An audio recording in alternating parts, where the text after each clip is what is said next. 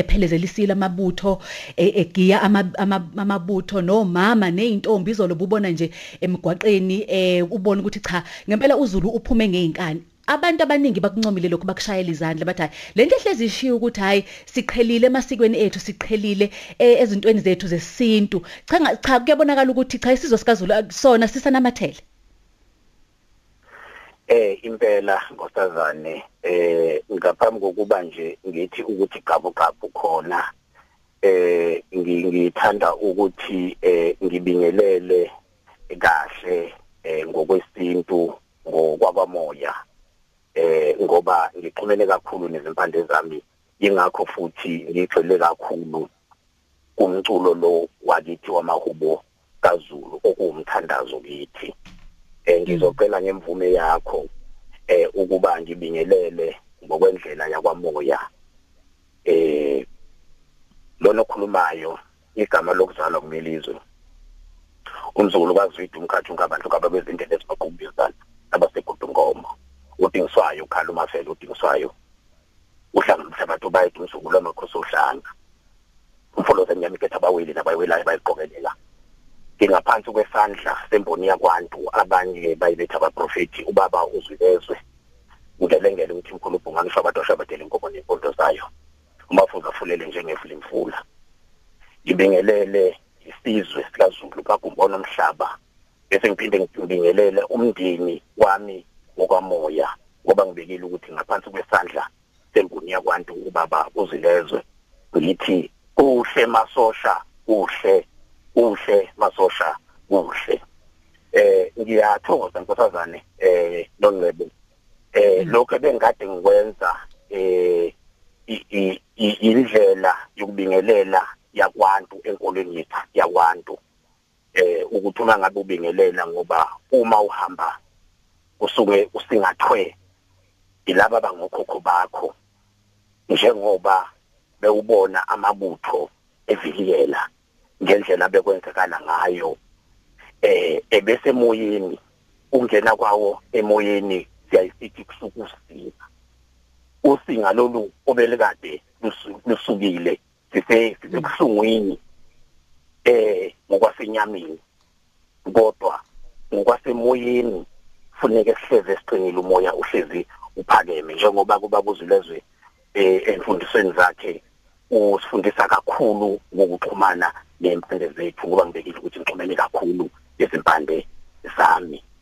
Eh okungangokuthi eh obekwenzeka mina ngesingami ngikubuke ngaba ngakubuka ukuthi kuyingxenye yomthandazo.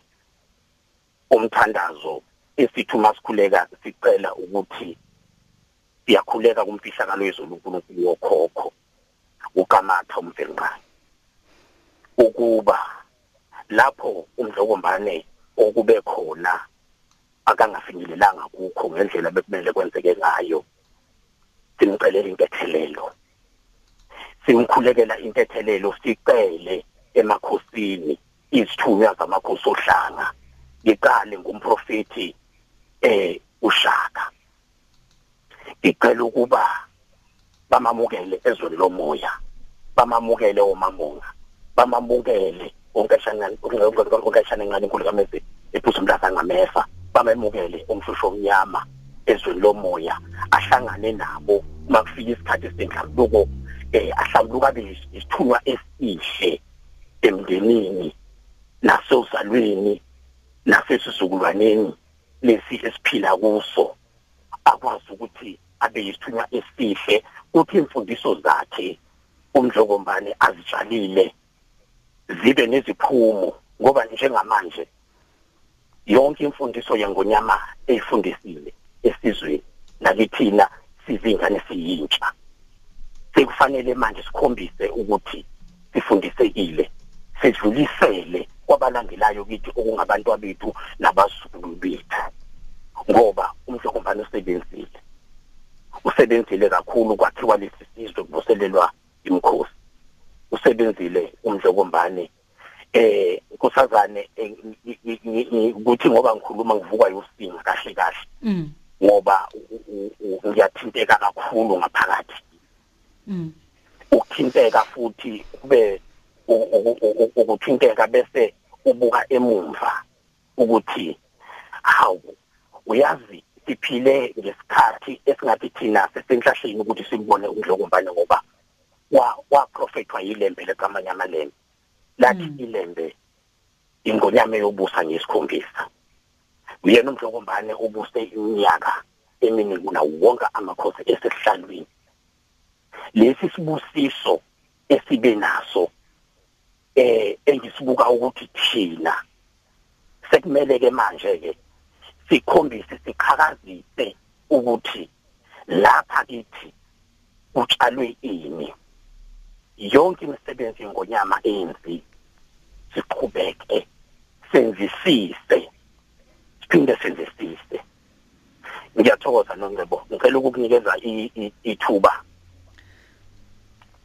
Mntwana melizwe eh isizwe sikaZulu sisabalele iSouth Africa yonkana sisabalele umhlaba jikelele umhlaba wonke jikelele. Okusho ukuthi akusibona bonke abantu abasondelene nabaqondayo futhi ukuthi yini elindeleke kubona eh kusona lesikhathi.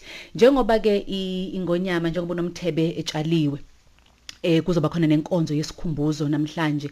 Abanye bayazibuza ukuthi kufanele senze njani ke thina ukuhlonipha isimo nokuhlonipha ingonyama? Eh uyabona inkosazana nongcebo engi engi engingakubeka mawukhuluma ngengonyama ukhuluma ngomhlokombane eh isigaba eh kuyathiwe iminwe ayilingani. Uyabona ukhona ukuthi uma uzwa ukuthi ungalonde kagabela kuthiwa ongangizwe lakhe aka akakaleleki. Kodwa izindlela zokuhlonipha eh indlela zokuzila sinendlela zethu ezahlukene zokuzila uthi uma kufika kulesi sikhathi ube nokuhlanganyela. Kodwa engakubeka kakhulu akukho kubaluleke njengokuzotha. Njengokuhlonipha ikakhulukazi njengoba ingonyama eh ngingabeka ukuthi ngasesayidini lami nje ngifunde inhlonipho kakhulu kuyona. Ngifunde inhlonipho ngafunda ingonyama ibinothando ibinothando kuyindlovukazi ondlukumbisilo bengibuka nami ngithi ngelinye ilanga ngiyothi nami uma ngabe sengithathile ngiyokwenza kanjeni ukhona ukuthi kube khona ubaba uthuma ubuka uthi okay ubaba wesizwe uthando ngendlela oludluliseka ngakhona nokusikhathaza nokukhathalela isizwe. Ukubuka obukade ufunda ukuthi la usika iphethini ukuthi fanele uhambise ngale ndlela kodwa number 1 bekuyinhlonipho. Ebibeka kahle ukuthi ungafuni ukuthandwa ngamangu ngamanusondwe usondelwe iqiniso. Mawuhlonipha uyoba inkosi enhliziyweni zawo bonke umuntu. Ngoba ke inhlonipho uyazi ke siyisho nesisho sethu sithi ke eh hlonipha uyihlonipha yokuza insuku zakho zandi eh ngingabekela nje kulokho ukuthi ukuzotha nokuhlonipha nokukhombisa uthando. Eh iyona nto kimi engathi eh eh ihlezi kakhulu ukuthi nasesayidi lami ukugxila kuyona. Kodwa umuntu kuyakube kuhle kwesinye isikhathi enze okusukayo enhliziyweni ngaphakathi ukuthi hayi uma ngabe ukuthi eh ukhetha uzosila ngalendlela noma uzozotha ngalendlela kodwa kubalulekile kakhulu ukuthi kube nesizotha nenhlonipho mntwana siyathokoza. Ngiyathokoza kakhulu nkosazana.